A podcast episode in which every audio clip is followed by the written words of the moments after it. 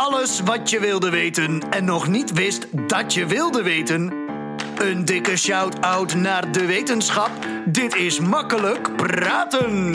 En die kerk die zegt, ja, we hebben die grond wel. We zouden daar wel veel geld voor kunnen vangen. Maar we gaan voor de komende duizend jaar plannen. Dus ratten zijn cognitief, flexibel, leren goed en jada jada jada. Maar ik heb soms ook het gevoel dat je ook voelt als, als bewoner wanneer iets sfeer of levendigheid mist.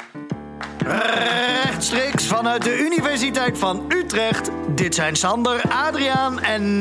En wie eigenlijk? Peter Pelser, universitair docent aan de Universiteit Utrecht ehm, op het gebied van planologie en stedelijke toekomst. Over eh, zijn onderzoek en wat hij doet als wetenschapper en een hele hoop andere dingen gaan we deze aflevering hebben. Peter, welkom bij Makkelijk Praten. Dankjewel. Hallo.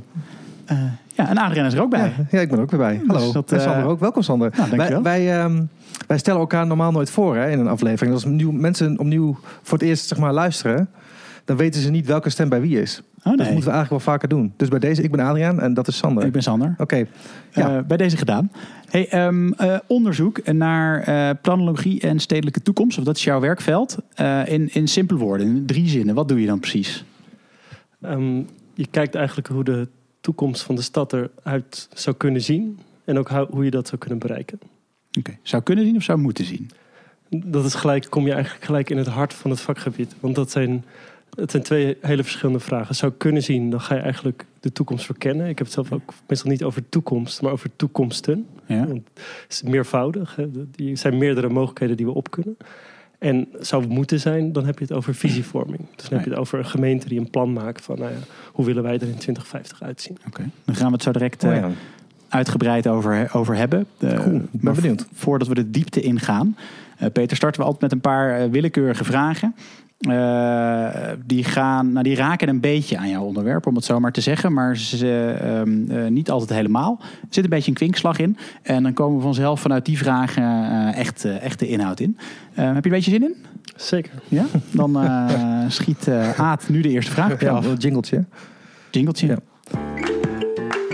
Een vraag, een antwoord en hup, de diepte in. Ja, oké. Okay. Stel je bouwt een stad, hè? Er komt dan een nieuwe straat in. Hoe, hoe bepaal je dan welke kant van de straat de oneven kant is en welke de even kant? Denk je, oh, dat is echt een typisch oneven huis, dus dit wordt een oneven kant? Of denk je van, uh, oh, alle. Er wonen vooral mensen met uh, gezinnen met een even aantal hoofden wonen aan die kant. Dus dan doen we dat de even kant. Of is het gewoon random? Het zal wel random zijn. Het is gewoon random. Ah, maar jammer. Ik, jij had me wel helemaal in de war. had, had, ik, had, ik dit, had ik dit moeten weten? Nee, nee, nee helemaal niet. Nee, helemaal niet. Nee, het is, wij, wij gooien, we schieten gewoon een aantal vragen ja. op je af. En je hoeft het antwoord ook niet te weten. Maar het is gewoon waar wij over, over nadachten. Uh, voor, uh, voor deze uh, uitzending. Zoals, we hebben een, uh, een plan voor onze steden als het water hoger komt te staan. Toch? Daar hebben we een plan voor. Maar uh, hebben we ook een plan uh, voor als de wereld wordt aangevallen door een gigantisch uh, zeemonster, zoals Godzilla? Oh ja, dus, dus dan komt, die komt uit zee. Ja. En die begint dan waarschijnlijk bij Middelburg of bij Den Haag. Ligt een beetje aan, ja. ligt een beetje aan ja. op welk moment in de, in de nabije of verre toekomst precies, die uit zee komt. Is daar, is daar een soort van uh, code groen voor of zo? Of hoe noem je dat? Nou, zeg maar in de tijd dat we ook naar de, naar de maan reisden, en in, in veel science fiction ook, was er altijd wel het idee dat, ja. niet, niet per se een monster, maar als bijvoorbeeld door uh, klimaatverandering de aarde onbewoonbaar wordt, dat we op Mars of op, op de maan gaan wonen of in andere, uh, andere, op andere planeten. Dus Ja. dat zou best een, uh, een evacuation strategy kunnen zijn. Maar dan hebben we, dan moeten we dus nou maar naar het oosten van het land, neem ik aan. Maar dan komt het beest ook naar het oosten van het land. Ja, of naar de maan of naar Mars dus. Ja. Ja, maar dat zal wel heel erg. Als het nu zou gebeuren, ja, dan zijn we gewoon lul dus eigenlijk. Want dan weten we gewoon niet wat we moeten doen. Dat is wel interessant om over na te denken. Maar je moet natuurlijk wel, als je steden bouwt, denk ik, of in ieder geval vooruitkijken, heel erg veel over noodsituaties nadenken, toch? Vooral nu. Vooral als je kijkt naar Nederland en de watervoorzieningen en wat niet al. En het, het stijgende waterpeil en klimaatverandering. Ja, kijk, dat is wat we dan wel klimaatadaptatie noemen. Daar wordt natuurlijk veel Ja. over nagedacht. En Godzilla krijgt misschien uh, wat minder aandacht, Ja. of zeemonsters. Maar uh, als de zeespiegel stijgt, of uh, een ander voorbeeld is dat... er zijn nu veel steden die willen bijvoorbeeld min, een minder dominante rol van auto's in de stad. Ja. Dat je naar andere manieren gaat om je voor te bewegen. En ik was laatst in, uh, in Zweden bijvoorbeeld. En dan hebben ze daar uh, parkeergarages in een wijk. Maar die zijn heel erg gebouwd vanuit het idee dat je die later kunt ombouwen naar een woning, een gebouw. En, en dat zijn eigenlijk manieren om dus na te denken over, nou ja, stel de wereld verandert. Oh, ja. Hoe zorgen we dan dat we als stad nog steeds uh, goed, goed kunnen blijven functioneren. Oh ja, want dat vroeg ik me ook af. Is het ook bijvoorbeeld, ik had gewoon een hersenexperiment, daar hou ik altijd van, gedachte-experiment. Uh, we zijn nu met 7 miljard mensen op aarde. Zou het mogelijk zijn, theoretisch, om die allemaal bijvoorbeeld in een stad te stoppen die zo dicht bevolkt is als bijvoorbeeld Manhattan? Uh, die zou, en dan zou iedereen in een soort heel groot Manhattan wonen. En dan daarom liggen het misschien allemaal akkers en dingen die je nodig hebt om dat een beetje draaiende te houden. Zou dat A, theoretisch mogelijk zijn? En B, hoe zou dat dan ongeveer eruit zien qua grootte en zo? Ja, dat worden hele hoge gebouwen. Dat worden echt uh, enorm hoog. Ja, maar het hoeft niet per se op de oppervlakte. Het zou ook een heel groot Manhattan kunnen zijn. Maar meer dat je gewoon allemaal in flats woont. Ter grootte van, weet ik veel, uh, een land. Zeg maar Duitsland of zo. Als 7 miljard mensen in Duitsland zouden moeten passen. Dan zou je gewoon allemaal, allemaal uh, flats hebben. Die zou je daar al die mensen in kunnen doen. En dan zou je daar omheen nog allemaal eten moeten verbouwen, toch? Denk ik, zoiets. Nou ja, ik, het is een uh, spannend gedachte-experiment. Ik denk dat je wel wat, tegen wat uh, logistieke hobbels aan hebt. Hoe ga je al die mensen voeden? Hè? Ja, dus precies. Dan, ja, dat vind ik, maar dat vind ik enorme af, afstanden ja. afleggen om, uh, om al vanaf van die boerderijen naar, die, naar die stad toe. Mm -hmm. Wat oh, doe je als je naar, het, naar klopt, de, de natuur in wil bijvoorbeeld? Dat je dan eerst een, tien uur in het vliegtuig moet zitten. ja, dat is, ja, inderdaad. Oh, dat, ja wat daarop volgt, vraag ik me ook altijd af: wat is dan de maximale capaciteit van de aarde? Maar dat is een heel ander vakgebied. Dus daar hoeven we nu niet over te hebben. Maar wel, uh, wel we vinden het wel boeiend. Wat doe jij precies uh, nu, zeg maar? Heb je een onderzoeksvraag bijvoorbeeld, om het zo maar eens te noemen? Ja, um, nou, misschien leuk om te vertellen. Ik kom, ik kom eigenlijk net voordat ik hier was, uh, ja. een, had ik een interview gedaan over een project waar ik nu aan werk. Ja. Dat vind ik wel een hele spannende casus. Uh, want de planologie gaat eigenlijk over het, het plannen van steden en, ja. en de, nadenken over de toekomst van steden. En als planoloog zeggen we dan vaak, er wordt te veel naar de korte termijn gekeken. Dus het gaat mhm. over de vier jaar uh, dat je verkozen bent als, als gemeenteraad bijvoorbeeld of als regering. En wij zeggen dan dat nou ja, je moet ook verder vooruit kijken, naar, naar 2050 bijvoorbeeld. En ik ben nu bezig met een, een studie in, uh, naar een uh, ontwikkeling in, uh, in Zweden. Dat is eigenlijk een soort campus, net als hier op ja. Utrecht Science Park. Ja. Maar heel interessant, een stukje grond eigenlijk precies in het midden. Die wordt, dat is bezit van de kerk. Dus, dus, de Zweedse kerk die bezit heel veel grond. En die bezit die grond precies in het midden. Ja. En wat je dus ziet in dat gebied, dat wordt nu gebouwd, is dat alle ontwikkelaars en de gemeente die willen daar allemaal een nieuwe wijk neerzetten. Heel snel, uh, weet je wel, mooie gebouwen bouwen. En die kerk die zegt, ja, we hebben die grond wel. We zouden daar wel veel geld voor kunnen vangen. Maar we gaan voor de komende duizend jaar plannen. Dus ze zeggen, wij bestaan als kerk al duizend jaar. En we gaan voor nogmaals duizend jaar plannen. En dat is een hele interessante casus, vind ik. Want dat is totaal anders dan dat wij het doen. En wat zij daar bijvoorbeeld doen, ze zeggen... ja, we hebben dus ook niet zo'n haast. We gaan eerst wel eens een aantal jaar nadenken. We gaan eens wat proberen. Uh, we hoeven niet uh, over vijf jaar uh, die gebouwen uit de grond te stampen. Want we zijn er voor een, meerdere generaties. Nou ja, en in mijn onderzoek zoek ik, onderzoek ik ook veel van dat soort voorbeelden... die misschien ook een soort richting kunnen geven aan hoe wij onze steden hier plannen. Dus een soort best practices, zo je wil. Oh ja, dat je gewoon kijkt naar welke plekken in de wereld doen ze het op een bepaalde manier die ook voor ons goed zouden kunnen zijn. Dat is wel echt een interessante manier van nadenken natuurlijk. Gewoon even chillen, even kijken wat het wordt. Gewoon eh, over de komende tien jaar, ja, misschien komen we wel op nieuwe ideeën en we gaan gewoon voor duizend jaar plannen. Maar duizend jaar is al veel. Ja, wat is, want wat is dan het moment dat je denkt, dan ben ik als je zo ver vooruit denkt, duizend jaar, dat is echt, ja. dat je 50 jaar kan ik me nog voorstellen, 100 jaar, misschien zelfs wel 250 jaar. Maar wat is het moment dat je dan, ben ik dan erg benieuwd naar, als je die vraag dat je je comfortabel voelt bij, oké, we hebben er nu 15 jaar over nagedacht. Nu denken we dat we wel een start kunnen maken voor over duizend jaar. Want het, omdat die tijd, wat je nu verzint, is natuurlijk, omdat het zo ver weg is, weet je natuurlijk niet meer of dat relevant is voor die situatie. Omdat het ingehaald wordt door technologie, omdat het misschien wel ingehaald wordt door klimaatveranderingen waar we nu nog helemaal geen rekening mee houden. Hoe, hoe gaan ze daarmee om? Nou, het interessante is dus, de, de vrouw die ik net sprak, is, is, is, kapelaan daar. En ik had precies eigenlijk dezelfde vraag als jij. Van, hey, op een gegeven moment is dat denken voorbij en dan ga je een, een plan maken. Wat gaan we doen? Maar zij had eigenlijk een heel ander perspectief. Ze zei, je moet continu vragen blijven stellen eigenlijk. En het, het proces is al begonnen. We zijn al begonnen met het plannen voor die duizend jaar. En je moet continu blijven nadenken in haar geval, waarom zijn we eigenlijk als kerk op aarde? Wat, wat hebben we hier te doen? En hoe kan die plek in, binnen dat Science Park bijdragen aan uh, de rol van de kerk, aan de rol van spiritualiteit? Dus ze gebruikt eigenlijk, het is wel een heel uniek geval hoor. Ja. Um, het, het is echt een manier om vragen te blijven stellen. Ja, oké. Maar dan. Ja, is precies. Maar dan kijken, ze, dan kijken zij in dit specifieke geval. Kijken zij heel erg vanuit hun, hun kerkelijke missie. Naar hoe je duizend jaar vooruit moet komen. En, en wat minder dan. Ik vermoed dat planologen doen naar een bredere maatschappelijke. Breder maatschappelijke doel, zeg maar. Ja, nee, dat klopt. Het is ook een, echt een extreem geval. En je kan het ook niet zomaar toepassen op allerlei andere nee. kaas. Maar wat, wat ik er heel erg fascinerend aan vind, is dat er echt uh, de tijd wordt genomen om na te denken waar willen we eigenlijk naartoe. En dat er met heel veel zorg en aandacht uh, dat gebied ontwikkeld wordt. En ja. vaak zie je toch dat wij altijd best veel haast hebben. En hey, je bent voor vier jaar verkozen, je wil iets voor elkaar krijgen. Ja. En ik vind dat het perspectief dat je ook kan nadenken... Ja, hoe ziet deze plek er over duizend jaar uit? Hoe ziet ja. deze campus er over duizend jaar uit?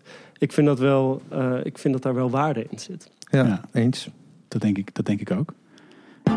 Makkelijk want hoe help jij dan, uh, of, of hoe, kijk jij dan naar, uh, uh, vanuit jouw vakgebied naar de situatie waar we in Nederland en in, veel plekken op de wereld, want ik denk dat op heel veel plekken word je voor vier jaar, misschien wel voor acht jaar verkozen. Hoe kijk je dan naar die situatie? Hoe, hoe help je, jij daarbij als planoloog, of als wetenschapper?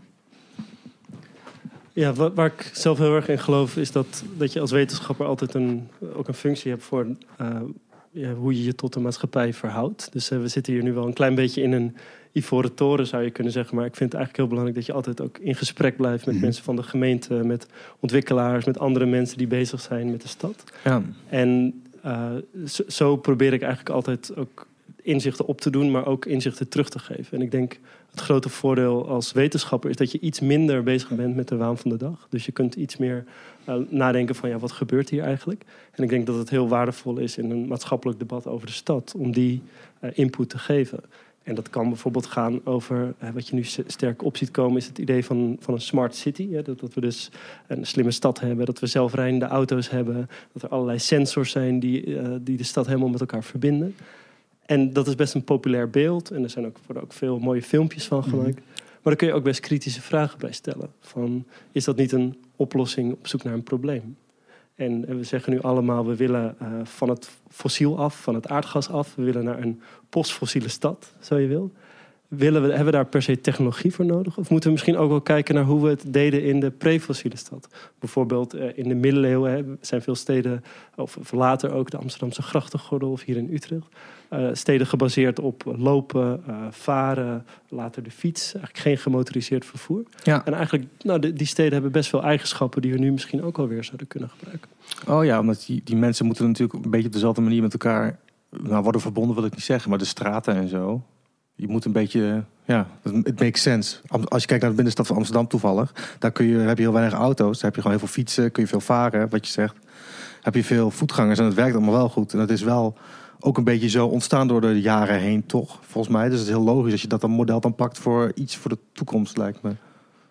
Dat laatste ben ik met je eens. Dat eerste zou ik iets preciezer willen zeggen. Het, is, het, is, het is ontstaan door de jaren heen, maar het is gebaseerd op een tijd waarin er nog geen auto's waren. Dus, dus het, toen het werd gebouwd, waren er nog andere principes van je voortbewegen. En dat, dat laat eigenlijk zien hoe die stad in elkaar ja, zit. En de plek waar we nu zitten, ja, precies op die ja, oké. En waar we nu zitten, dit, dit is gebouwd in een tijd na de oorlog, waar heel erg de, een dominante rol voor de auto. Dus ingeklemd tussen de snelweg.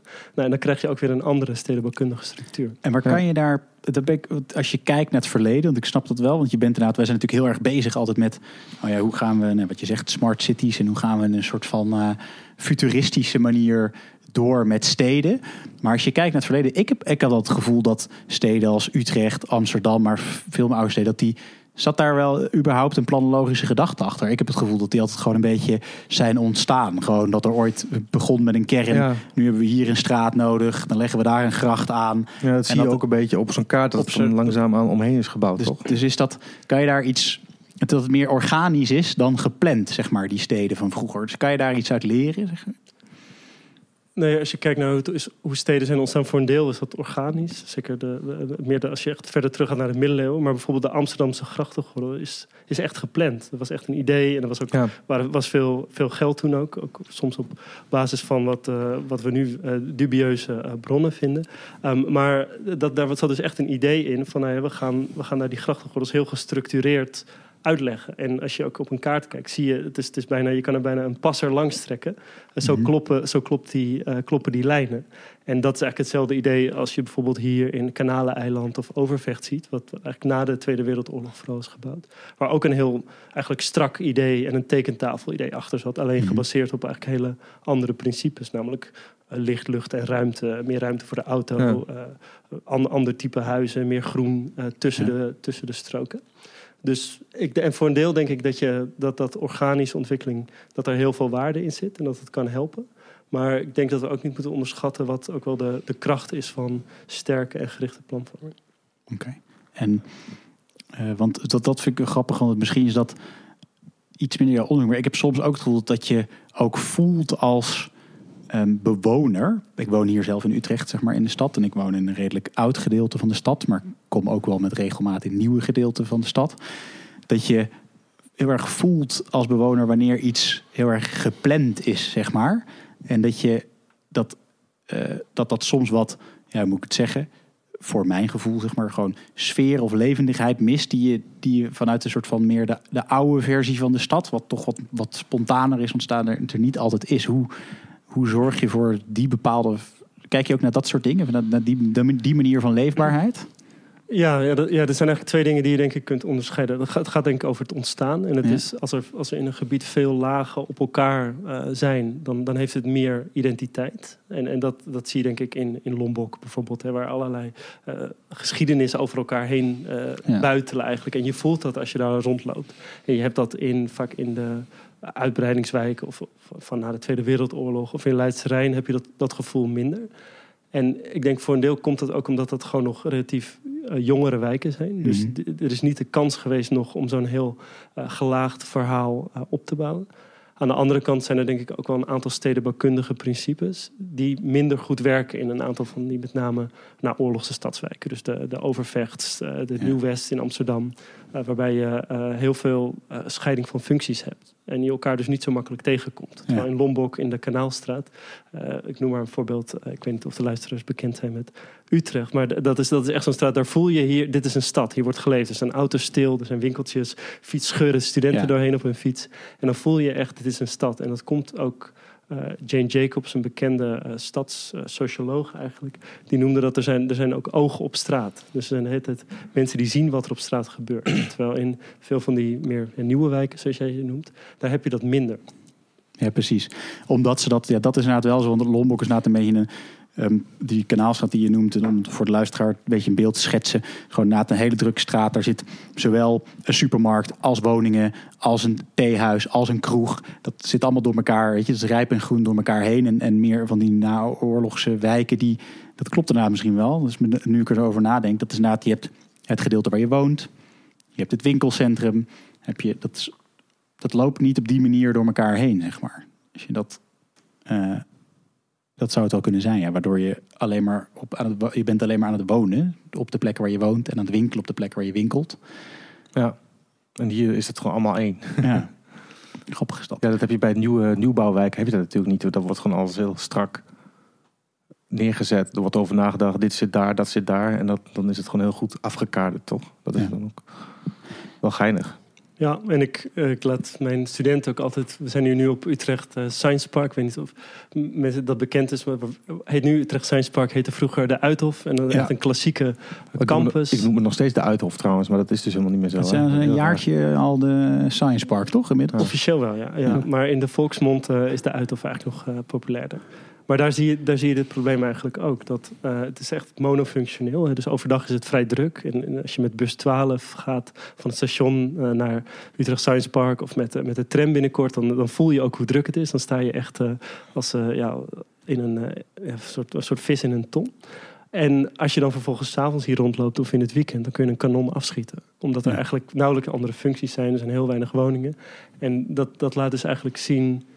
wat, wat eigenlijk die eh, diversiteit aan functies, zoals je die in Lombok ziet. Wat dat vermag voor je stad en voor je stedelijkheid. Oh ja, wat grappig. Ja, zo heb ik eigenlijk nog nooit naar een stad gekeken. Dat je op die manier, zeg maar, per functie, gebied en locatie het een beetje afkadert en dan kijkt hoe zo'n stad dan helemaal beweegt. Ja. Wel vet om dat, om dat zo te zien. Wat zijn de grootste uitdagingen? Je kan ze ongetwijfeld zijn er heel veel, maar die waar, waar Nederlandse steden planologisch mee te, mee te kampen hebben in de komende, nou, pak hem eens even, 100 jaar. Zeemonsters. zeemonsters. Nou, behalve zeemonsters. Nou, voor mij, met de kennis van nu, moet ik dat natuurlijk zeggen. Maar is de, bij uitstek de grootste uitdaging is de energietransitie. Dus hoe komen we af van uh, ja, onze toch verslaving aan fossiele brandstoffen? Mhm. En je hebt in allerlei uh, steden, zie je nu al een soort, dat er aan aardgasvrije wijken gewerkt wordt. Dus dat uh, de verwarming op basis van aardgasvrije wijken anders wordt ingericht met restwarmte of met, met elektriciteit. Maar dat, is eigenlijk, dat gaat dan vooral over de gebouwde omgeving. Maar ik denk dat op een gegeven moment ontkomen we er ook niet aan om na te denken... Uh, hoe bewegen we ons voort in een stad? Uh, hoe doen we dat op een manier die minder energie kost? Misschien ook wel wat, wat eten we? Hoe, hoe, waar halen we ons voedsel vandaan? Ik denk dat echt die, die vraag naar, de vraag naar energie... Mhm. En wat dat betekent voor hoe onze steden eruit zien, dat is voor mij echt by far uh, de grootste vraag. En daar, daaraan vastzitten dan allerlei andere vragen van willen we meer organische steden? Hoe gaan we met elkaar om in de stad? Uh, wat voor, uh, hoe willen we diversiteit organiseren? Dat, dat hangt daar allemaal mee samen. Maar voor, voor mij de grote hevel, zoals je hem zou kunnen noemen, is nu echt de energietransitie. Ja. Want het is natuurlijk, er zit ook een, soort van gekke. Soms denk ik wel eens, zat ik laatst over na te denken. Ehm, eigenlijk in voorbereiding op dat je een soort van gekke, ook door, door internet, een soort van gekke situatie ook bijvoorbeeld terechtkomt dat we enerzijds met z'n allen heel graag uh, inderdaad uh, veel mensen heel erg bezig zijn met die energietransitie en hoe kunnen we nou, onze, weet je, onze voetafdruk verminderen en zo. maar tegelijkertijd lopen we, weet je, niet meer als je in een stad woont naar de supermarkt om je eten te halen, maar bestel je het, het online, weet je, en laat je het bezorgen, waardoor er weer busjes moeten gaan rondrijden die dat doen. Waardoor, dus het zit een soort van soms halen zeg maar moderne dingen. Weet je, enerzijds ben je bewust bezig en anderzijds haalt het gemak ook weer de het bewustzijn in of zo. Dus het, het blijft natuurlijk een soort van wisselwerking tussen opkomende technologieën en, uh, en, en het leven en dingen die het leven makkelijk maken. En wat daar ook weer de gevolgen van zijn binnen een stad of misschien binnen heel veel plekken in, in Nederland en uh, in de wereld. Ja, uh, ja, dat is, dat is een mooie, mooie observatie, denk ik. En uh, het, komt, het, slaat een beetje terug op wat waar we net over hadden, over die slimme steden. En of je een uh, oplossing hebt die misschien op zoek is naar een probleem. En het, het probleem is nu hier dat we gewoon eigenlijk veel minder energie moeten gaan gebruiken en op ja, andere bronnen daarvoor moeten gebruiken. En de vraag is welke technologie of welke oplossing daar het meest geschikt voor is. En bijvoorbeeld elektrische auto's, dat, nou, dat, ik denk dat daar, dat is voor een deel heel kansrijk. Maar als je van een auto op een gegeven moment een rijdende computer maakt, dan kost dat ook weer allemaal energie. En dan moet je dat ook weer gaan organiseren. En die energie moet ergens vandaan komen.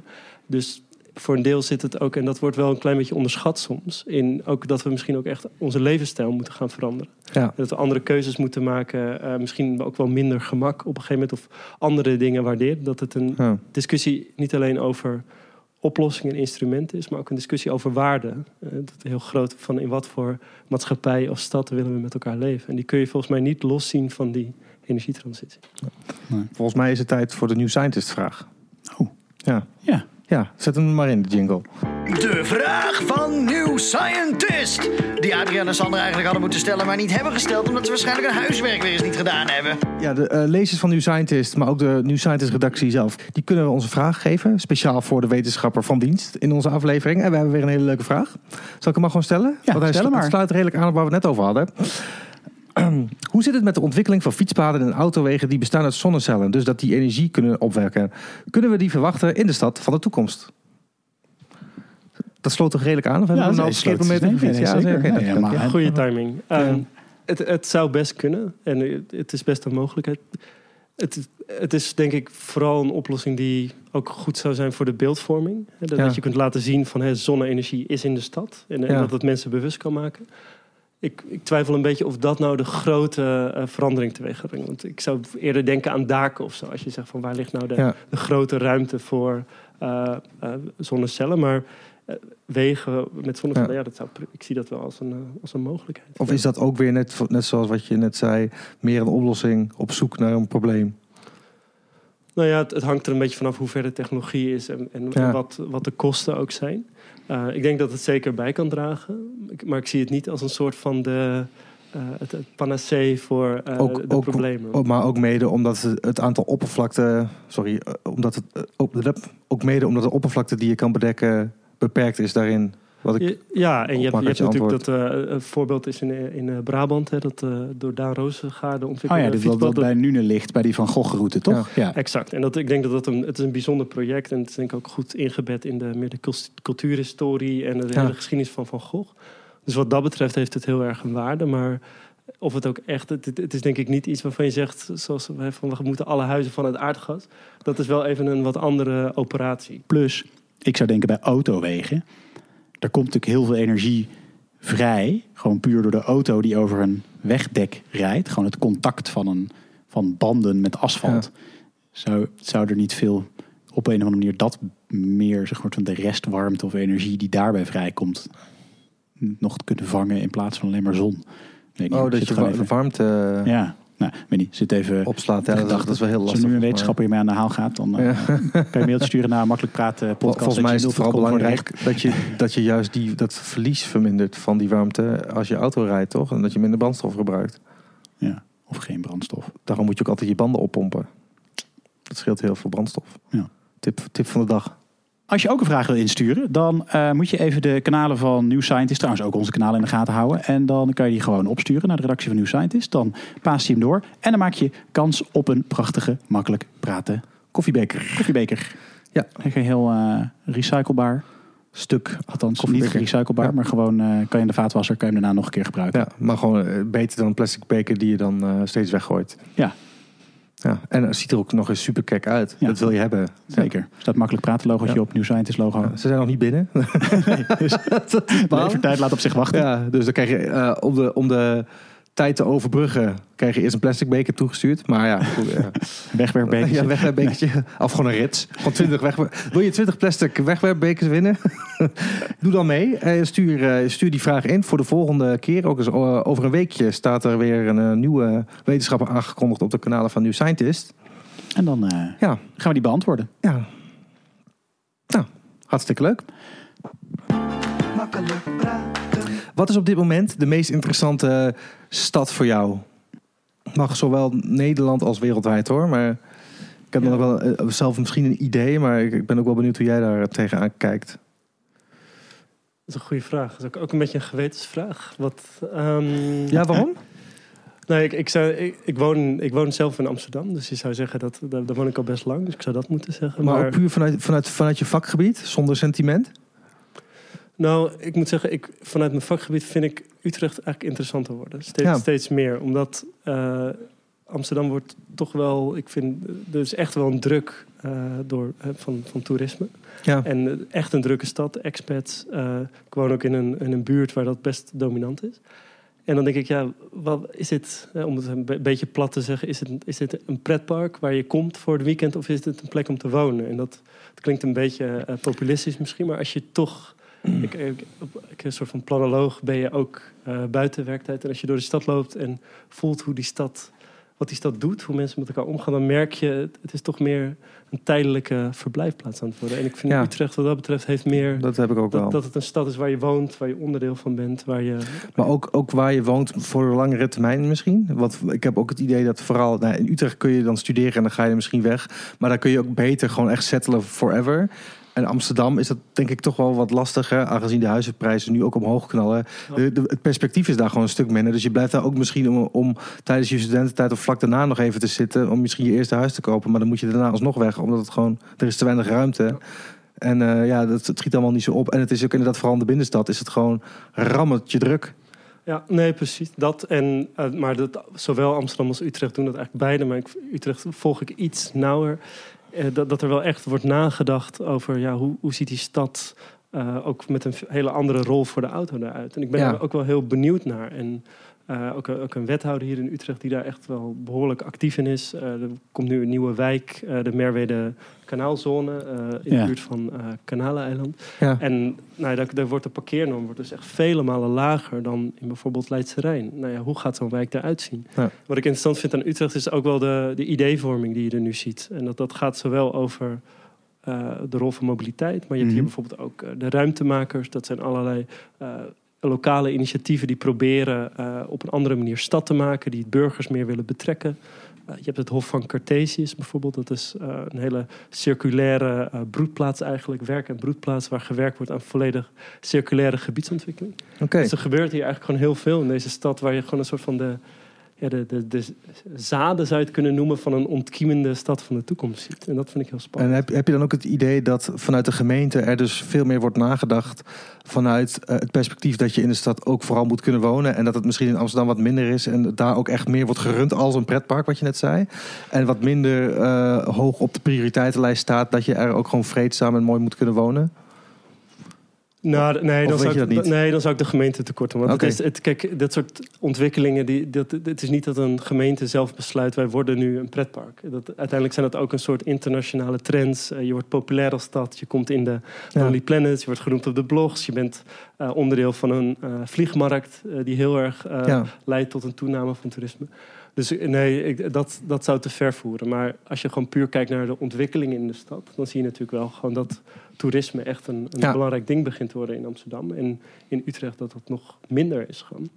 En bij die, eh, wat je net zei, bijvoorbeeld die, die plantjes, eh, die, of die zaadjes die worden geplant. Ja. In dat proces, ben jij dan ook nog daarbij betrokken enigszins? Of collega's voor jou? Of wordt er überhaupt gekeken naar wat er wetenschappelijk al zo wat wordt gevonden in dat vakgebied?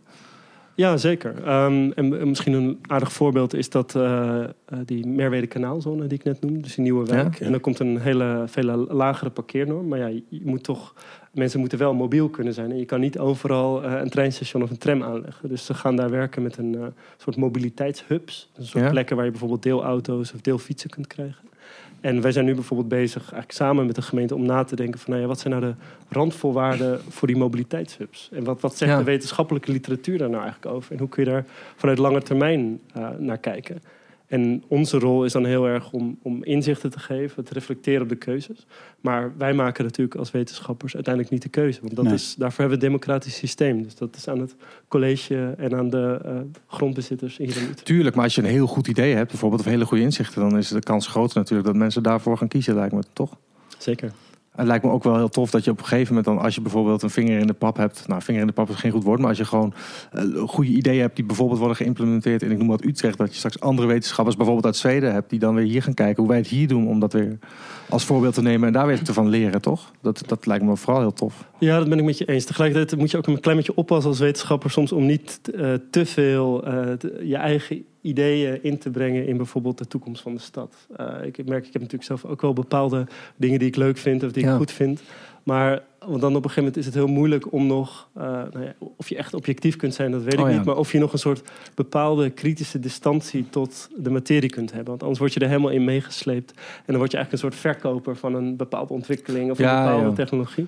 En dat is volgens mij niet de rol van Nee, de planologie. Planologie is een re- reflectie op planning eigenlijk. Ja, je moet niet je visie eigenlijk eh, te veel doorheen drukken wat dat betreft, maar meer echt Wat, eh, wat kan, wat kan dat inderdaad? Dat, wat- je zegt dat nu, maar kan je dat in een vakgebied als planologie?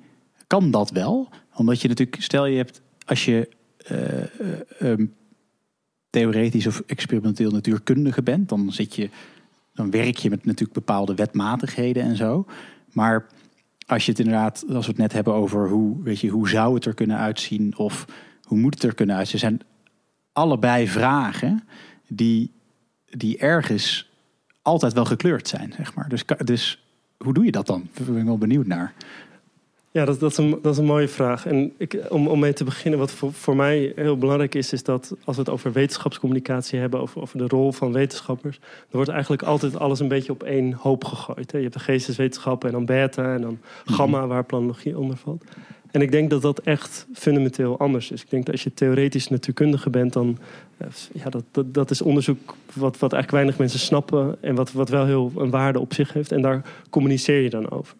Terwijl eigenlijk het vakgebied waarin ik me begeef, daarin ben je eigenlijk in een soort continue interactie met allerlei belangengroepen, met ideeën, uh, met nieuwe ontwikkelingen. Dus daar moet je toe verhouden. En wat voor mij uh, een belangrijk idee is, dat is voor een klein beetje een college nu, maar ja. ik zal het proberen duidelijk en kort te houden, is eigenlijk wat het uh, idee uit het Amerikaans pragmatisme. En dat was een filosofie die is ontstaan eigenlijk na de burgeroorlog in de VS. En die zegt eigenlijk van, nou ja, kennis is altijd sociaal. Dus je moet altijd, het is niet, er is geen absolute waarheid, er is geen absolute goed of fout, maar je moet altijd reflecteren op, op een bepaald moment welke kant moeten we nu opgaan. En dat is eigenlijk een, een filosofie die in de planologie, uh, in het, allerlei theoretische uh, ontwikkelingen, best veel aandacht heeft gekregen. Juist precies, om precies jouw punt. Omdat volgens mij voor wetenschappers dat ook heel erg is wat we doen. We, we, we, nemen niet, niet een soort positie in van dit is hoe de wereld in elkaar zit. Maar je kijkt naar een gebiedsontwikkeling, je kijkt naar de energietransitie en je denkt, nou ja, met de kennis van nu, wat kunnen we daar nu van vinden? En dat klinkt een klein beetje uh, soft of zo. Hè? De, de, het, alles is een sociale constructie. Maar ik denk dat dat, dat dat niet zo is. Omdat je, wat je heel erg moet doen continu, is continu reflecteren. Dus je moet continu reflecteren, wat ik nu denk, klopt dat eigenlijk nog wel? En wat ik nu zeg, hoe stellig kan ik dat zeggen? En uh, die, die vraag die je me bijvoorbeeld stelde over wat is nu uh, de belangrijkste trend of het belangrijkste vraagstuk. Dat is voor mij een, een, voorbeeld van, ja, daar moet ik continu scherp op blijven zijn. En ik, nou nu toch al een aantal jaar ben ik er wel van overtuigd dat de energietransitie, dat, ja, daar moeten we het volgens mij niet meer over hebben of dat nodig is. Maar hoe we dat dan gaan doen, ja, dat, daar ben ik eigenlijk continu over aan het nadenken. Van Wat zijn goede oplossingen en welke kanten kunnen we op? Heb je nog meer voorbeelden daarvan trouwens? Daar ben ik eigenlijk wel benieuwd naar. Van uh, hoe, je, hoe, de, hoe de stad van de toekomst, om het zo maar even te noemen, ook uh, uh, door slim ingericht te worden kan bijdragen aan betere energievoorzieningen. We hadden het net al even over wat dingen, zonnepanelen en bijvoorbeeld meer varen. Maar zijn er misschien nog wat andere mogelijkheden daarin? Nou, wat ik een heel spannend idee vind, is wat ze hier in Lombok doen. We Drive Solar. Waarbij ze dus eigenlijk zeggen, de, de auto die, is niet alleen een auto, maar het is eigenlijk ook een rijdende batterij. En op het moment dat er piekbelasting is uh, in je gebouwde omgeving, dus als je gaat koken of als je gaat douchen, weet je, rond in de ochtend of in de avond zijn veel mensen thuis, dan, dan voedt die auto eigenlijk ja, je energienetwerk van je huis. En als je naar je werk gaat, mm -hmm. dat is dus nou, tussen 9 en 5 in het geval van de meeste mensen, dan ben je niet thuis en is die batterij er dus ook niet. En ik vind dat een heel interessant idee omdat je daar dus eigenlijk zegt, eh, we hebben een soort uh, tijdruimtepaden, noemde uh, Torsten Hegerstrand dat ooit. Je, je, je, bent altijd, je gedraagt je in een dag volgens een bepaald tijdspatroon. Je gaat om negen uur naar je werk, met om vijf uur thuis. En je hebt een bepaalde, uh, heeft een bepaalde ruimtelijke implicatie. Dus bijvoorbeeld veel mensen fietsen dan altijd uh, ja. van het centrum hier naar de, naar de Uithof. Uh, enorme ja. stromen aan fietsers. Dus dat uit zich ook ruimtelijk. En ik vind het heel spannend dat je dus eigenlijk kunt denken... kun je die energietransitie en ook de eigenschappen van hernieuwbare energie... waar dus ja, toch ook soms meer energieverlies is... en je niet eindeloos dingen kan opslaan. Hoe kun je dat koppelen met eigenlijk het gedrag van mensen in de stad? Oh ja, oh, dat is wel een hele dat klinkt als een heel opnieuw vakgebied eigenlijk. Het is, het is eigenlijk heel tof. Het is een combinatie van vakgebieden. Ja. En ik, het, het, gaat dus over. En ik ben zelf, ik ben ook geen beta, maar ik merk wel dat bijvoorbeeld de eigenschappen van energie zijn heel belangrijk voor allerlei meer plannings- en sociale vraagstukken. Mm -hmm. uh, en, dat, en daar ben ik me ook ja, meer aan het, in aan het verdiepen en aan het ontwikkelen. Omdat ja, je kan dat niet negeren. Nee. Nee, nee het is. Het, je, hebt daar, je, je kan dat, dat kan je natuurlijk op meer, dat kan je zo met je auto zien, maar er zijn natuurlijk veel meer dingen die op die manier energie gebruiken, die je veel mobieler zou kunnen inzetten of veel meer tijd en plaats gebonden. Want nu heb je natuurlijk een soort van bijna uh, continue. We hebben eigenlijk gewoon altijd een soort van netspanning, zeg maar. Dus dat is natuurlijk een heel erg, omdat we heel erg afhankelijk zijn met z'n allen van dat we altijd tv willen kijken en altijd non-stop gewoon stroom nodig hebben, zeg maar.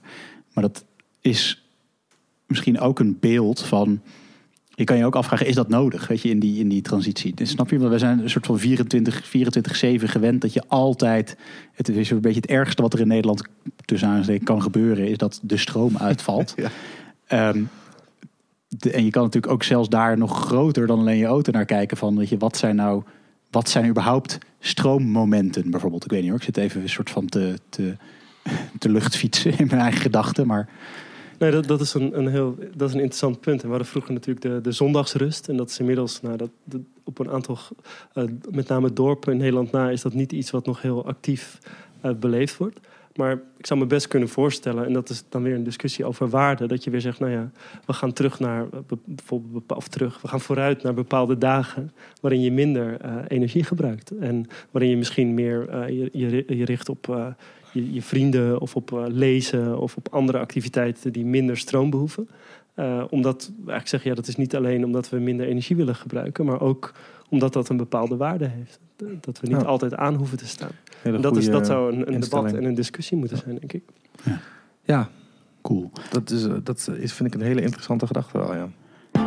Makkelijk praten. Praktisch, hoe ziet een beetje jouw normale dag eruit? Wat doe jij op een dag? Want je wat net had je dus een, een interview met die uh, die, die, die, die Zweedse dame van de, nou, dat stukje grond daar, hè, in, eh, in, uh, op die campus daar, waar ze duizend jaar vooruit denken. Is dat, dat zeg maar een typische dag voor jou? Dat jij met allerlei mensen aan het praten bent die, als het nou, of het nou Nederlanders zijn of, of waar dan ook, zeg maar over steden en wat er kan en wat er moet? Of, hoe, ziet, hoe ziet jouw dag eruit? Het zou ik wel willen, dat ik iedere dag met dat soort inspirerende mensen mogen praten. Interview hoort wel echt bij mijn werk, dus dat doe ik wel vaker. Maar zoals vandaag, uh, hoe mijn dag eruit... Ik, ik kwam hier vanochtend aan om uh, kwart voor negen. En dan, ik moest lesgeven, dus uh, ik geef ook een vak over duurzame steden. We hadden een hele interessante gastspreker die iets vertelde. dus ik heb naar haar geluisterd en ook met, met de studenten nagedacht... over wat het betekende wat zij vertelde.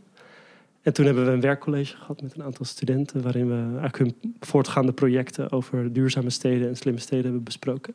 Wat voor projecten moet ik me dan voorstellen trouwens? Even, even dan toch een zijpadje, ik ben ja. wel weer benieuwd.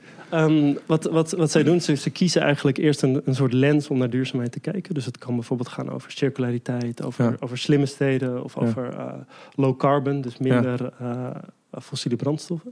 En dan kiezen ze eigenlijk allemaal een stad uh, die ze gaan onderzoeken. Wat, wat, wat gebeurt er nou eigenlijk? Oh ja. Um, en een van de groepjes heeft bijvoorbeeld die doet onderzoek naar Overvecht Noord. Dat is een van de eerste wijken in Utrecht hier die van het mhm. aardgas afgaat. Ja. En dat is een hele, een hele spannende casus, want het wordt, het wordt de eerste uh, relatief veel sociale woningbouw. Uh, allerlei stakeholders of allerlei uh, actoren die een bepaald belang hebben. En zij onderzoeken dan eigenlijk, ja, wat zijn de visies van al die actoren? hoe werkt het spel? wat gebeurt er? Wat kunnen we daarvan leren? Ja. dus daar hebben we vanochtend bijvoorbeeld over gesproken. Oké, echt cool. En, en Oké, sorry, dat was hem. Maar en dan uh, heb het is wel wat ik er tof aan vind, is wel dat, dat, oh, dat dus die studenten ook wel, wel echt actief bezig zijn met. Uh, het, het, zijn niet, het zijn niet alleen maar, ik weet niet hoeveelste jaar studenten zijn, maar het zijn niet, niet soort van theoretische gedachten. Ze zijn gewoon actief bezig met problemen die er nu toe doen, zeg maar. Ja, zeker. En dit, dit zijn dan masterstudenten die ook wel redelijk gevorderd. En eigenlijk wat ik net noemde, dat, dat, dus dat belang van reflectie en dat Amerikaans pragmatisme, dat gaat ook wel heel erg uit van dit idee dat dat je planologie niet als, als een soort uh, leunstoelvakgebied kunt bedrijven. Dus je moet ook wel dingen meemaken, dingen horen, dingen zien. Ja. Ervaringen, dus kennis komt niet alleen tot je uit boeken, maar ook door wat mensen zeggen, uh, hoe het voelt ergens. En op die manier, door dat samen te brengen, kom je eigenlijk uh, tot, tot een oordeel. Ja. Oh ja. Maar dat is wel heel leuk, omdat het, dat, dat, dat er zijn veel veel, veel wetenschappers die we, die we tot nu toe gesproken hebben ook zijn zijn wel veel meer omdat ze de, zeg maar of geologisch onderzoek of natuurlijk onderzoek dat is, dat is echt wel een totaal ander type uh, wetenschap zeg maar. Veel uh, nou, misschien meer het, het klassieke of clichébeeld dat sommige mensen kunnen hebben van wat een wetenschapper doet zeg maar. En dit is natuurlijk een veel meer veel maatschappelijkere manier van wetenschap bedrijven Nee, dat, dat is het zeker. En dat maakt het soms ook, ook wel moeilijk, omdat je dus wat minder die traditionele wetenschappelijke rol kunt aannemen, waarin je altijd eigenlijk zegt: oké, wat zegt, wat weten we hier als wetenschap over? Uh, en dat als je, als je over een heel specifiek vakgebied, over uh, zeespiegelstijging bijvoorbeeld, wat, wat vooral ook een biofysisch proces is, ja, dan kun je daar gewoon vrij duidelijk over zeggen. En dat is ook heel belangrijk dat je dat zegt. Wat we weten uit de wetenschap, wat het IPCC erover heeft gepubliceerd, et cetera. Maar als het meer gaat over waarde en waar gaan we naartoe en, en, en eigenlijk een beetje een oordeel vormen op iets, over iets wat nog niet helemaal af is. En, en, en dus ook de toekomst, want de toekomst eh, bestaat niet. Alleen eh, hoe we naar de toekomst kijken heeft wel invloed op de beslissingen die we nu nemen.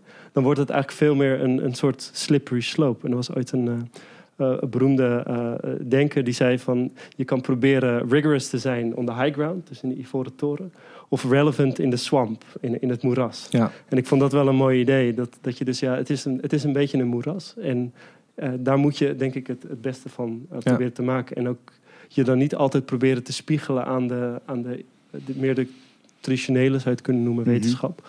Omdat je dan je toch nooit aan al die voorwaarden kunt voldoen. Omdat dingen veranderen continu en eh, Ja. er komen nieuwe dingen bij. En het is een complexe wereld. Ja, ja het is, en het is, dit is gewoon niet, niet zo zwart-wit of zo vaststaand zoals dat soort type wetenschap. Nou, ook niet altijd, maar veel meer lijken, zeg maar. Ja. Maar oké, dus je had les gegeven? Oh ja, heel goed. Eh, ja, daar waren we mee bezig. Ja. We waren bezig wat je dacht, dat was ik zo. Ja. Nou, ik ben ook heel benieuwd wat er nog meer daarna gebeurt. En hoe je dan bijvoorbeeld daadwerkelijk onderzoek doet naast bijvoorbeeld mensen interviewen. Maar lees je ook verslagen? Doe je ook veldwerken? Heb je data die je gebruikt en omzet in allerlei conclusies? Of hoe, eh, hoe moet ik dat voor me zien? Je bedoelt misschien voor deze case study, ja, wat we dan eigenlijk Ja, doen. bijvoorbeeld, eh, dus we hebben, oh, het gaat over die, die Zweedse wijk. En we hebben een aantal interviews gedaan. Dit, dit was eigenlijk de laatste die, we digitaal, die ik digitaal deed. En eh, het zijn ook allerlei eh, documenten. Dus ik werk samen met de universiteit in, in Lund in Zuid-Zweden. En nou, de documentanalyse van de, de, de Zweedse documenten, dat doen zij logischerwijs. Maar de interviews waren bijvoorbeeld allemaal in het Engels. Nou ja, en ik ga die interviews natuurlijk ook eh, teruglezen. Die ga je coderen, die ga je interpreteren. Je gaat kijken van nou ja, wat is nou de, de rode draad in die interviews? Wat zijn nou de belangrijke ideeën die daaruit naar voren komen? En dat gebruik je dan eigenlijk als basis om een, een wetenschappelijk artikel te schrijven bijvoorbeeld. En dat, Oh, dat, ja. dat, dat zijn eigenlijk de stappen die je dan doorloopt. Oké. Dat is wel interessant, want nou, ik, ik heb zelf eh, een natuurkundige achtergrond. En daar was het ook vaak dat je hebt een hypothese en dan ga je dan testen met experimenten en zo. Maar dit is een hele andere manier van hoe je zeg maar, je kennis vergaart en structureert en daar conclusies aan verbindt. Een hele interessante andere manier om eh, zo naar de wereld te kijken. Dus dat vind ik wel tof. Maar dat is ook even luchtfietsen. Want Ik ben, ben, ben benieuwd, want dan, want dan heb je, want dan doe je dat. En want zijn er dan nog andere dingen? Ga je ook gewoon, eh, want dat is natuurlijk heel erg het maatschappelijke ding. Maar kijk je ook, ook, ja, je, zei, vertelt over dat je, dat je, kijk je ook naar de stad, zeg maar, om het zo maar te zeggen. Dus gewoon puur het, gewoon wat er al staat en wat voor functie dat heeft. Of heeft dat altijd, kan, kan je dat altijd alleen maar beoordelen vanuit een maatschappelijk, vanuit een maatschappelijke bril? Nee, dat, dat heeft wel een waarde. En eigenlijk de, de planologie heeft, heeft een, is, zit dicht tegen wat, wat ze de stadssociologie of de, de sociale geografie noemen aan. En ik heb voor een deel ook wel die achtergrond. Dus dat, dat- daar hoort dat heel erg bij. Dat je echt onderzoekt wat gebeurt er in een stad. Hoe gaan mensen met elkaar om? Eh, wat voor gevoelens eh, krijgen ze daarbij? Ehm, je kunt ook, hoe ruikt het? Of wat hoor je? Er zijn ook allerlei nieuwe technologieën voor. dat is ook een heel belangrijk onderwerp. Ja. Ik, ik ben zelf wat meer geïnteresseerd in de toekomst van de stad. Dus waar gaan we naartoe? En iets minder in hoe de stad nu werkt. Maar je gebruikt natuurlijk wel bijvoorbeeld wetenschappelijke artikelen van anderen of boeken die beschrijven hoe de stad nu in elkaar zit. En, en dat is dan eigenlijk je, je theoretische basis waar je het net over had. Ja. Op basis waarvan je dan ook weer je, je denken verder brengt. Makkelijk praten. Ik heb laatst gehoord dat in eh Oude Burgten de wenteltrappen altijd met de klok mee omhoog lopen. Zodat mensen die dan die burcht probeerden te verdedigen... met een zwaard makkelijker naar beneden konden slaan. Omdat je rechtshandig bent, dan kun je zo naar beneden hakken. Dus dan zijn ze veel moeilijker om te, te, belegeren. En toen dacht ik, oké, dat is heel apart. Want ik, eh, heb, het is me nog nooit echt opgevallen. Maar er zit wel een heel vet verhaal achter.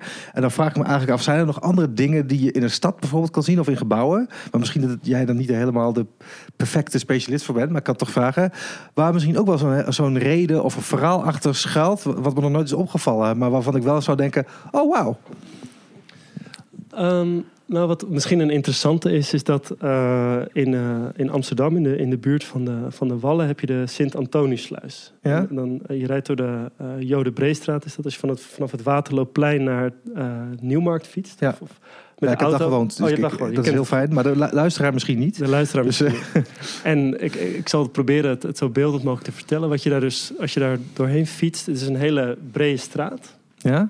Eh, en, en op een gegeven moment houdt dat op. Dus op een gegeven moment is er een hele gekke knip... waar de, waar de straat in één keer nou, minimaal twee keer zo smal wordt. Dat klopt, ja. Dat is heel apart. Ja. Ja. En waar dat door komt, het idee was eigenlijk eh, om een snelweg helemaal te hebben vanaf het, het zuiden van de stad helemaal naar het Centraal Station. Eh, onder meer eh, Joop den Uyl, de toenmalige wethouder, die, Ja. die vond dat een goed idee, later premier. En de- ze zijn daar ook mee begonnen. En, de- en de Wieboudstraat, dat is ook Ja. echt zo'n verkeersader Oh ja. stad. Ja. En toen, toen is er allerlei protest gekomen, onder meer van uh, krakers en ook mensen die de stad wilden behouden. En die hebben toen ook heel strategisch een, een pand gekocht, uh, wat zeg maar precies lag in, in het tracé ja. dat, dat ze in gedachten hadden. en daar is toen eigenlijk het doortrekken van die weg is gestopt echt precies op dat punt. Daar zie je dat. Dus daar zie je eigenlijk oh, ook. En ik, ik vind het ook een hele, het is een hele symbolische plek. Want daar zie je dus eigenlijk ook de eerste. De, waar echt de scheurtjes in het denken dat je een stad, dat je uh, snelwegen door een stad moet hebben. Die ontstonden voor een deel op die plek. Dat is ook heel goed. Want moet je je voorstellen dat daar nu een snelweg zou lopen. Dat zou echt verschrikkelijk ja. zijn. Dit is precies wat, waar ik op hoopte toen ik de vraag stelde. ik ga daar echt voor, als ik daar dan langs loop met mensen, ga ik dit verhaal vertellen. het is wel grappig dat ze dat zo gedaan hebben. Ja, heel nice. Wat mooi dat dat dus ook een stukje geschiedenis gewoon ademt, hè, zo'n stuk. Want het valt wel op. Het, is, het is letterlijk, ik heb het ooit echt een keer gedacht van wat raar, maar dan loop je daar gewoon voorbij. Want dan denk je, dat zal wel weer een of andere rare regeling zijn geweest, zal wel iets zijn misgegaan, whatever. Maar dat is het dus. Echt heel, heel cool. Leuk. Ja. Hey, je had het over um, je zegt, ik hou me met name bezig over de toekomst uh, van de stad. Um, wat, uh, wat hoop jij dat er in ieder geval in, in, in moderne Utrechtse, of de Utrecht, in moderne Nederlandse steden over uh, 100 jaar er sowieso is, als je kijkt naar de toekomst? mag je wel je mening geven. Hoef je niet allemaal te veel te reflecteren. Moet toch alleen maar van die, van die sensationele teksten uit hem trekken. Zodat we, zodat we dat op de kop van de podcast kunnen zetten. Alles voor de kliks. Paraloog, dubbele punt. zeg het maar. Paraloog claimt. ja. Alle steden in Nederland. Alle steden straks gemaakt van zonnepanelen. Wat, wat ik spannend zou vinden, denk ik, is dat, dat er ook wat meer diversiteit uh, tussen steden zou zijn. Dus dat als je, als je, als je in, Nederland, lijken veel steden nu toch behoorlijk veel op elkaar. Mhm. En dat vind ik eigenlijk jammer. Ik zou het interessant vinden als je, als je steden hebt die hè, misschien een beetje zoals, zoals we hier nu in een meer flatgebouwachtige wijk zitten, waar, waar, waar, je dat heel erg hebt, heel erg nieuw en modern. Misschien een beetje als Rotterdam. Dat je nog historische steden hebt en misschien wel steden die zeggen we gaan helemaal nature-based. Dus we laten de natuur helemaal terugkomen in de stad. Misschien andere steden willen wel echt allerlei technologie erin.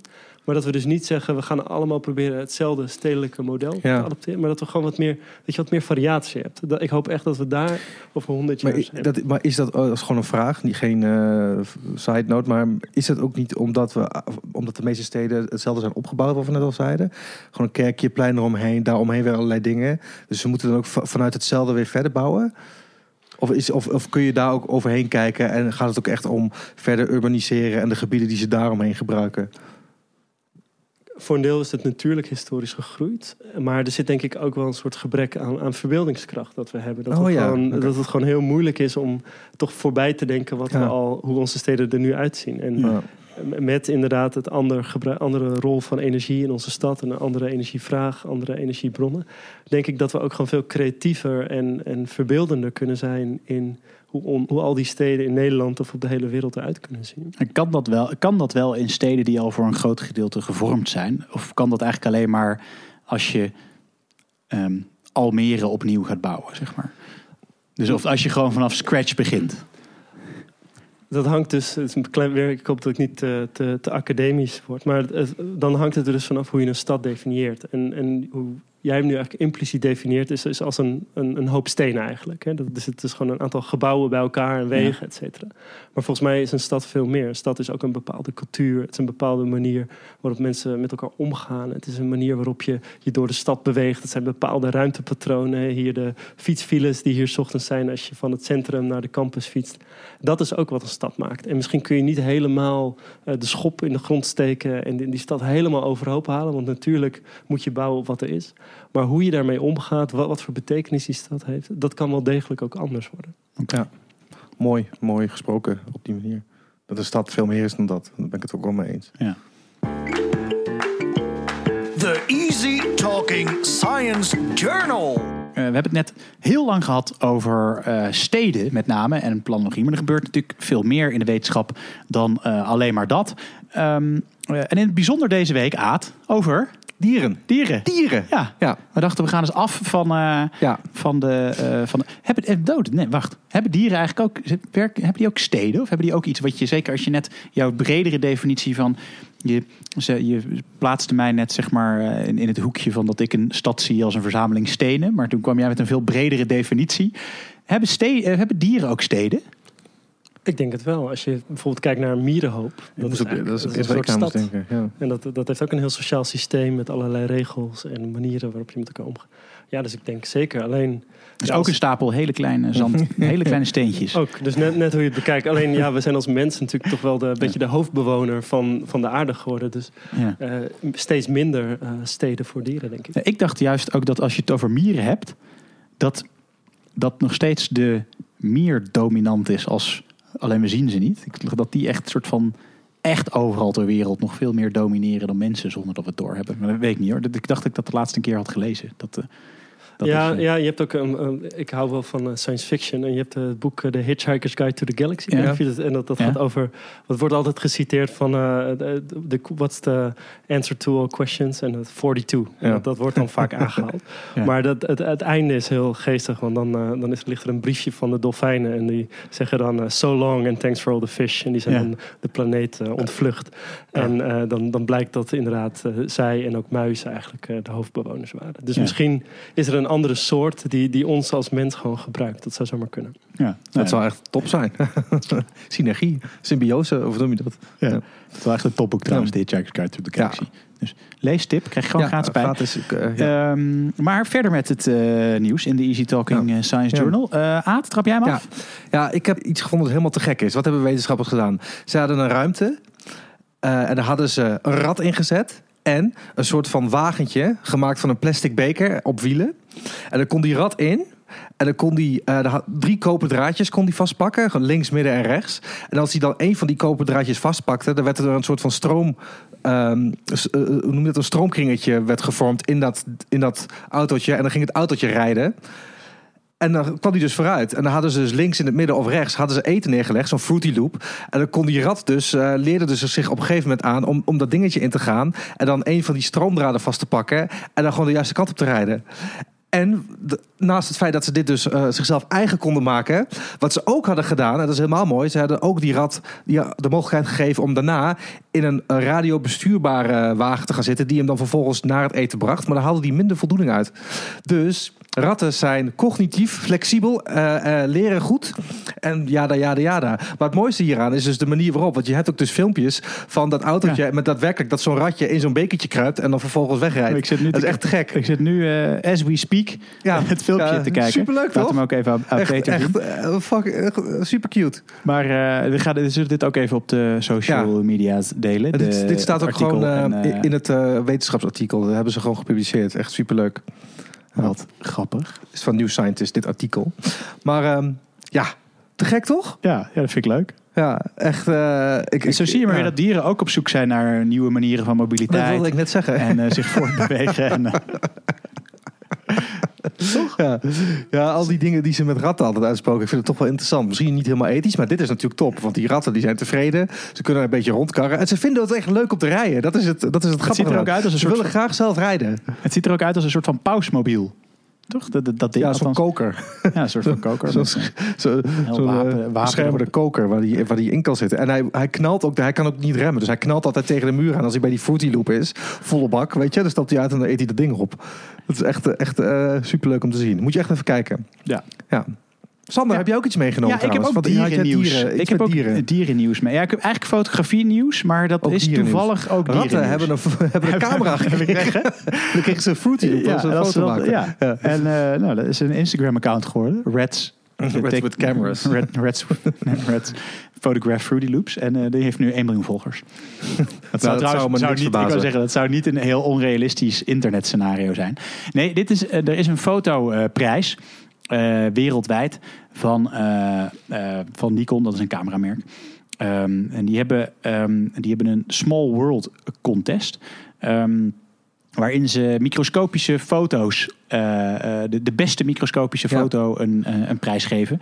Eh dat moeten dan Technicolor foto's zijn. Dat is een bepaalde manier van fotograferen waarin je een soort van eh, kleur, wat is het, monochrome kleurlagen allemaal op elkaar legt. En dan krijg je een soort van hele bizar toffe eh, foto's. Ja. En dat is deze keer gewonnen door een embryo van een, uh, van een schildpadje. Die krijgen nu al. Nou, uh, ja, die is knap. Ja, die, althans, die heeft hem niet gewonnen. Maar die foto, de foto van de. En het is gewoon echt heel cool. Want het is een soort van fluoriserend-achtig foto geworden. Die zullen, zullen we ook even, even delen. Um, maar ook wel bizar wat je dus gewoon, hoe scherp je microscopisch kan fotograferen. Maar hoe hebben ze dat gedaan dan? Eh, kun je daar nog iets over uitweiden? Want hoe maak je een microscopische foto? Want ik zou dan gewoon denken, ik pak mijn normale camera en dan sluit ik dan een microscoop op. Ja, nee, wat ze maar dus dit doen, is dus echt, uh... ze doen het wel echt met een soort van, uh, ja, gewoon zo'n soort van, uh, hoe noem je dat, computer gestuurde micro microscoop waar dan een soort van foto ja. constructie in zit. Ja. Ongetwijfeld van, oh, uh, wat, het, wat het, van het merk dat, het, dat de prijs uitreikt. Maar, en, maar wat ze dan doen is, um, omdat het dus op die Technicolor methode moet, waarin je een soort van monochroom op maar is, maken ze, ze heel veel verschillende foto's die ze op elkaar leggen, waardoor je die verschillende lagen, zeg maar, op elkaar gestapeld, ja. daardoor het, het plaatje, uh, het beeld ja. ontstaat, zeg maar.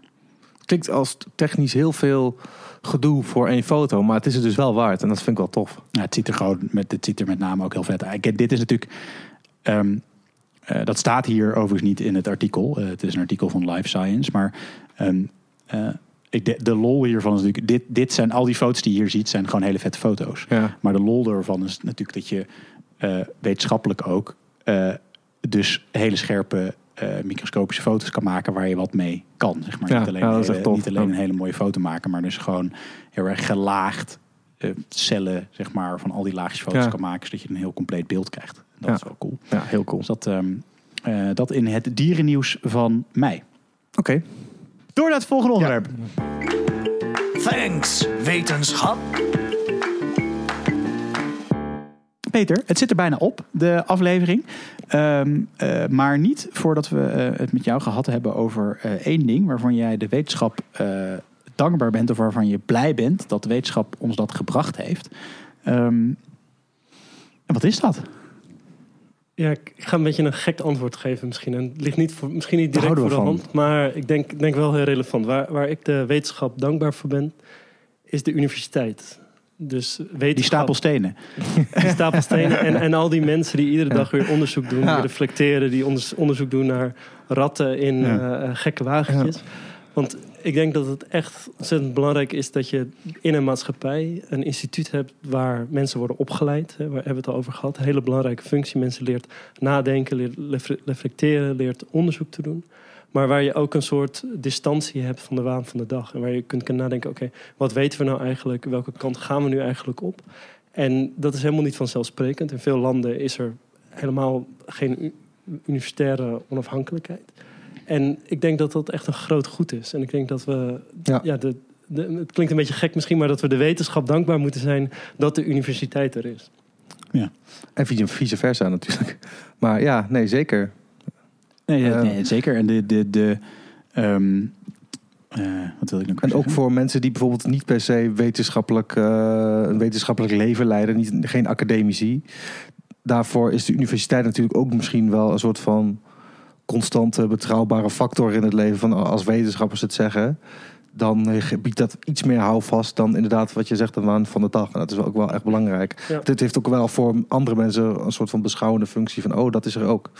Ja, en dat moet je denk ik als wetenschapper of werkzaam aan de universiteit wel iedere dag blijven bevechten. Het is niet vanzelfsprekend dat je die rol krijgt. Want ik vind dat ook echt wel een eer. We zijn door de belastingbetaler in zekere zin vrijgesteld van allerlei ander werk om uh, na te denken, om onderzoek te doen, om de maatschappij te informeren. Dus dat is denk ik een taak die je heel serieus moet nemen. En waar we het nu vaak over hebben, is uh, het idee van leven lang leren. Dus dat je niet uh, hier een paar jaar komt en dan vervolgens uh, je carrière gaat beginnen, maar dat je eigenlijk continu blijft leren. En ik denk, ja, wat dat betreft kunnen we onze rol als universiteit nog veel serieuzer nemen. Dat we ook iemand die, ik noem maar wat, 50 is en misschien een andere kant op wil, of die bijgeschoold wil worden, of nieuwe dingen wil leren, dat, dat we daar ook een plek voor bieden hier op de universiteit. Ja dat is echt een stap die we moeten gaan zetten in de komende jaren. Ja, want dat, is inderdaad wel interessant. Want het is natuurlijk heel moeilijk als je dat niet. Uh, van te, zeg maar, het is heel moeilijk om inderdaad vanaf een bepaald moment weer daarbij te komen, natuurlijk.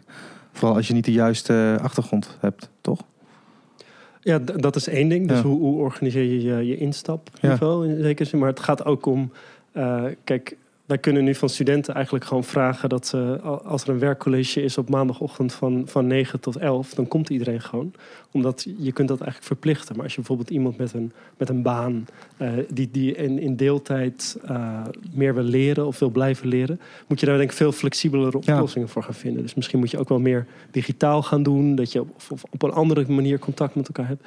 En ik denk, ja, daar zijn we echt pas, pas eh, een beetje de de, de, eerste ideeën ontstaan nu, maar daar moeten we echt, uh, echt veel verder in gaan. Ja, want dat is natuurlijk inderdaad wel dat, dat, dat inderdaad het traditionele model is, denk zoals wij in ieder geval hier zitten, het doorlopen hebben. Dat je, dat je inderdaad, je, hebt, je, studeert zeg maar in je, studietijd en dan ga je of door zeg maar de wetenschap in. Uh, maar heel veel stromen uit en gaan, uh, gaan even een normale baan doen, om het maar even zo te zeggen. Of in ieder geval een andere niet-wetenschappelijke niet wetenschappelijke baan per se. En ook, de, ook, ook qua middelen is de, de kans om daarna weer terug te komen, is, is ook best wel lastig inderdaad. Zeg maar. Dus, dus de, de drempel zit hem op, denk ik, op meerdere manieren. Als jij inderdaad nu, als ik nu opnieuw, zeg maar, als 35-jarige weer zou willen instappen op allerlei niveaus. Ik denk van nou laat ik eens, ik, heb, ik, heb, ik wil meer weten over iets en ik zou weer graag opnieuw een bachelor of een master of wat dan ook willen doen. Dat is best wel, ik zou niet weten waar ik moet beginnen. Nee, zeker. En, en dat komt denk ik ook door de manier waarop we uh, kennis zien. Hè? Het is toch een beetje zo van, je hebt een bachelor of een master... je bent door een soort hoepel gesprongen en uh, je kunt het op je cv zetten... en dan kun je eigenlijk beginnen aan je carrière. Ja. Dat is vaak een beetje het beeld dat we hebben. Terwijl eigenlijk je zou kennis ook veel meer als iets actiefs kunnen zien. Als een soort continu leerproces, wat eigenlijk nooit af is. Waar je dus, ja. uh, ook nu leren we weer, van dit gesprek leren we hopelijk weer. morgen leer je weer iets nieuws. Ja, zeker. En als, je dat, als dat je visie is op eerder op leren dan op kennis. Niet als iets statisch, maar iets actiefs wat je continu moet blijven voeden en uitgedaagd moet worden, et cetera. Dan moet je inderdaad dus ook de universiteit anders gaan inrichten.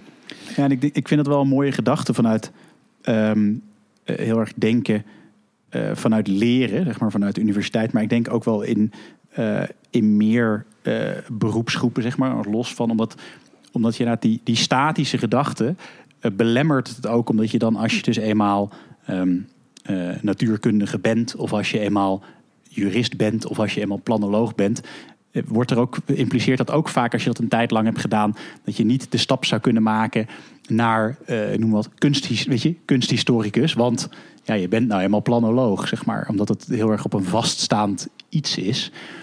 Um, en ik denk zeker ook onze generatie, dat je, als je vaak met mensen spreekt op, op allerlei niveaus van leren of die iets willen veranderen, lopen daar denk ik ook wel tegenaan. Van weet je, ik ben nu dit, maar ik wil misschien wat anders. Ja. En dat is heel erg omdat het een soort van stempel heeft van, van kennis, misschien wat je zegt, wat een wat statisch is en niet een, een stempel heeft van ik wil iets leren of ik wil iets veranderen. Zeker. En ik denk, het wordt ook alleen maar relevant. Want hey, hadden het net, je vertelde net, uh, Sander, dat je uh, wat langer over je studie hebt gedaan. Hè? Dus dat, dat kon toen nog, zei je. En nu zie ik toch bij veel van mijn studenten dat iedereen er gewoon netjes in drie of vier jaar of vijf jaar met een master doorheen gaat.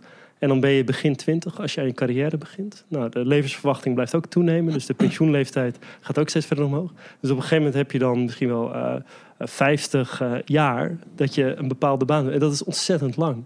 En ja, dan zou je best eens kunnen zeggen, nou, na 25 jaar, ik, heb, ik ben nu 25 jaar planoloog geweest. Ik word uh, neurowetenschapper. Ja. Uh, maar dat is op dit moment heel erg lastig om dat voor elkaar te krijgen. En ja, daar moeten we, daar moeten we denk ik echt wat op bedenken. Dus ja. uh, hopelijk komen er ook nog interessante mensen in jullie podcast die daar uh, wat over Ja. gaan zeggen. Ja, Hopelijk. hoop ik ook. Mooie, mooie gedachte om mee Ja. eh, af te sluiten. Ja. Ehm, Ik vond het, eh, ik, eh, vond het een uh, onconve- ik, ik vond het heel interessant om te zien hoe jij heel onconventioneel naar de wereld kijkt, zowel in je vakgebied als de wetenschap zelf, hoe je daarnaar kijkt. Vooral leerzaam. Wat vind jij, Sander? ja, nee, vind ik ook. En ik, een aantal. Een hele aparte manier wetenschap betreft. Niet apart, maar anders dan ik gewend ben. En het verschuift ook een beetje mijn perspectief van hoe je naar dingen zou moeten kijken eigenlijk. Ja, Ja, het is veel meer. Het is veel. Uh, nou, reflect, ja, eigenlijk ook veel meer. Jouw vakgebied is ook veel minder ja, statisch in die zin. Het is veel reflecterender, wat je Ja. ook net zegt, dan, dan, uh, dan sommige traditionele wetenschappen in ieder geval. maar dat komt ook alweer terug in hoe jij naar andere dingen kijkt. Dat vind ik wel tof. Ja. Voor mijn gevoel althans, want ik ken je nu niet zo heel lang. Twee uur, hoe lang duurt het? Nee. Ja, dus, uh, maar oké. Ja, heel erg bedankt in ieder geval voor uh, al dit. Ja, als dank krijg jij, uh, krijg jij ook de, uh, de fantastische Makkelijk Praten beker die nog uh, geproduceerd moet worden. Maar dan, dan, sturen we hem op, die komt echt. Um, en over twee weken zijn we er weer. Met, een, met een nieuwe Makkelijk Praten een verse wetenschapper. en tot die tijd kan je ons volgen op nou, Spotify, iTunes, Google Podcasts. Eigenlijk overal waar je een podcast kan luisteren. Instagram, Twitter, Facebook. Facebook. Ja. Doen we nog allemaal bij. TikTok. Um, en uh, natuurlijk een woord van dank in de eerste plaats weer aan uh, de Universiteit Utrecht. Uh, maar ook de andere. Hartelijk bedankt, Universiteit Utrecht. Ja, dankjewel. Ja, mag en... wat gezegd worden. Ja. ja, kom nou. Nee, maar ik bedoel, die stapel stenen heeft ook gevoel. dus, toch, toch, toch even die kwinkslag aan het einde. En ja. Universiteit van Amsterdam, Wageningen University and Research en, en Nick Hef, zij maken deze podcast ook mogelijk. Tot over twee weken. Tot ziens, doei. Doei. Jij mag ook doei zeggen. Doei.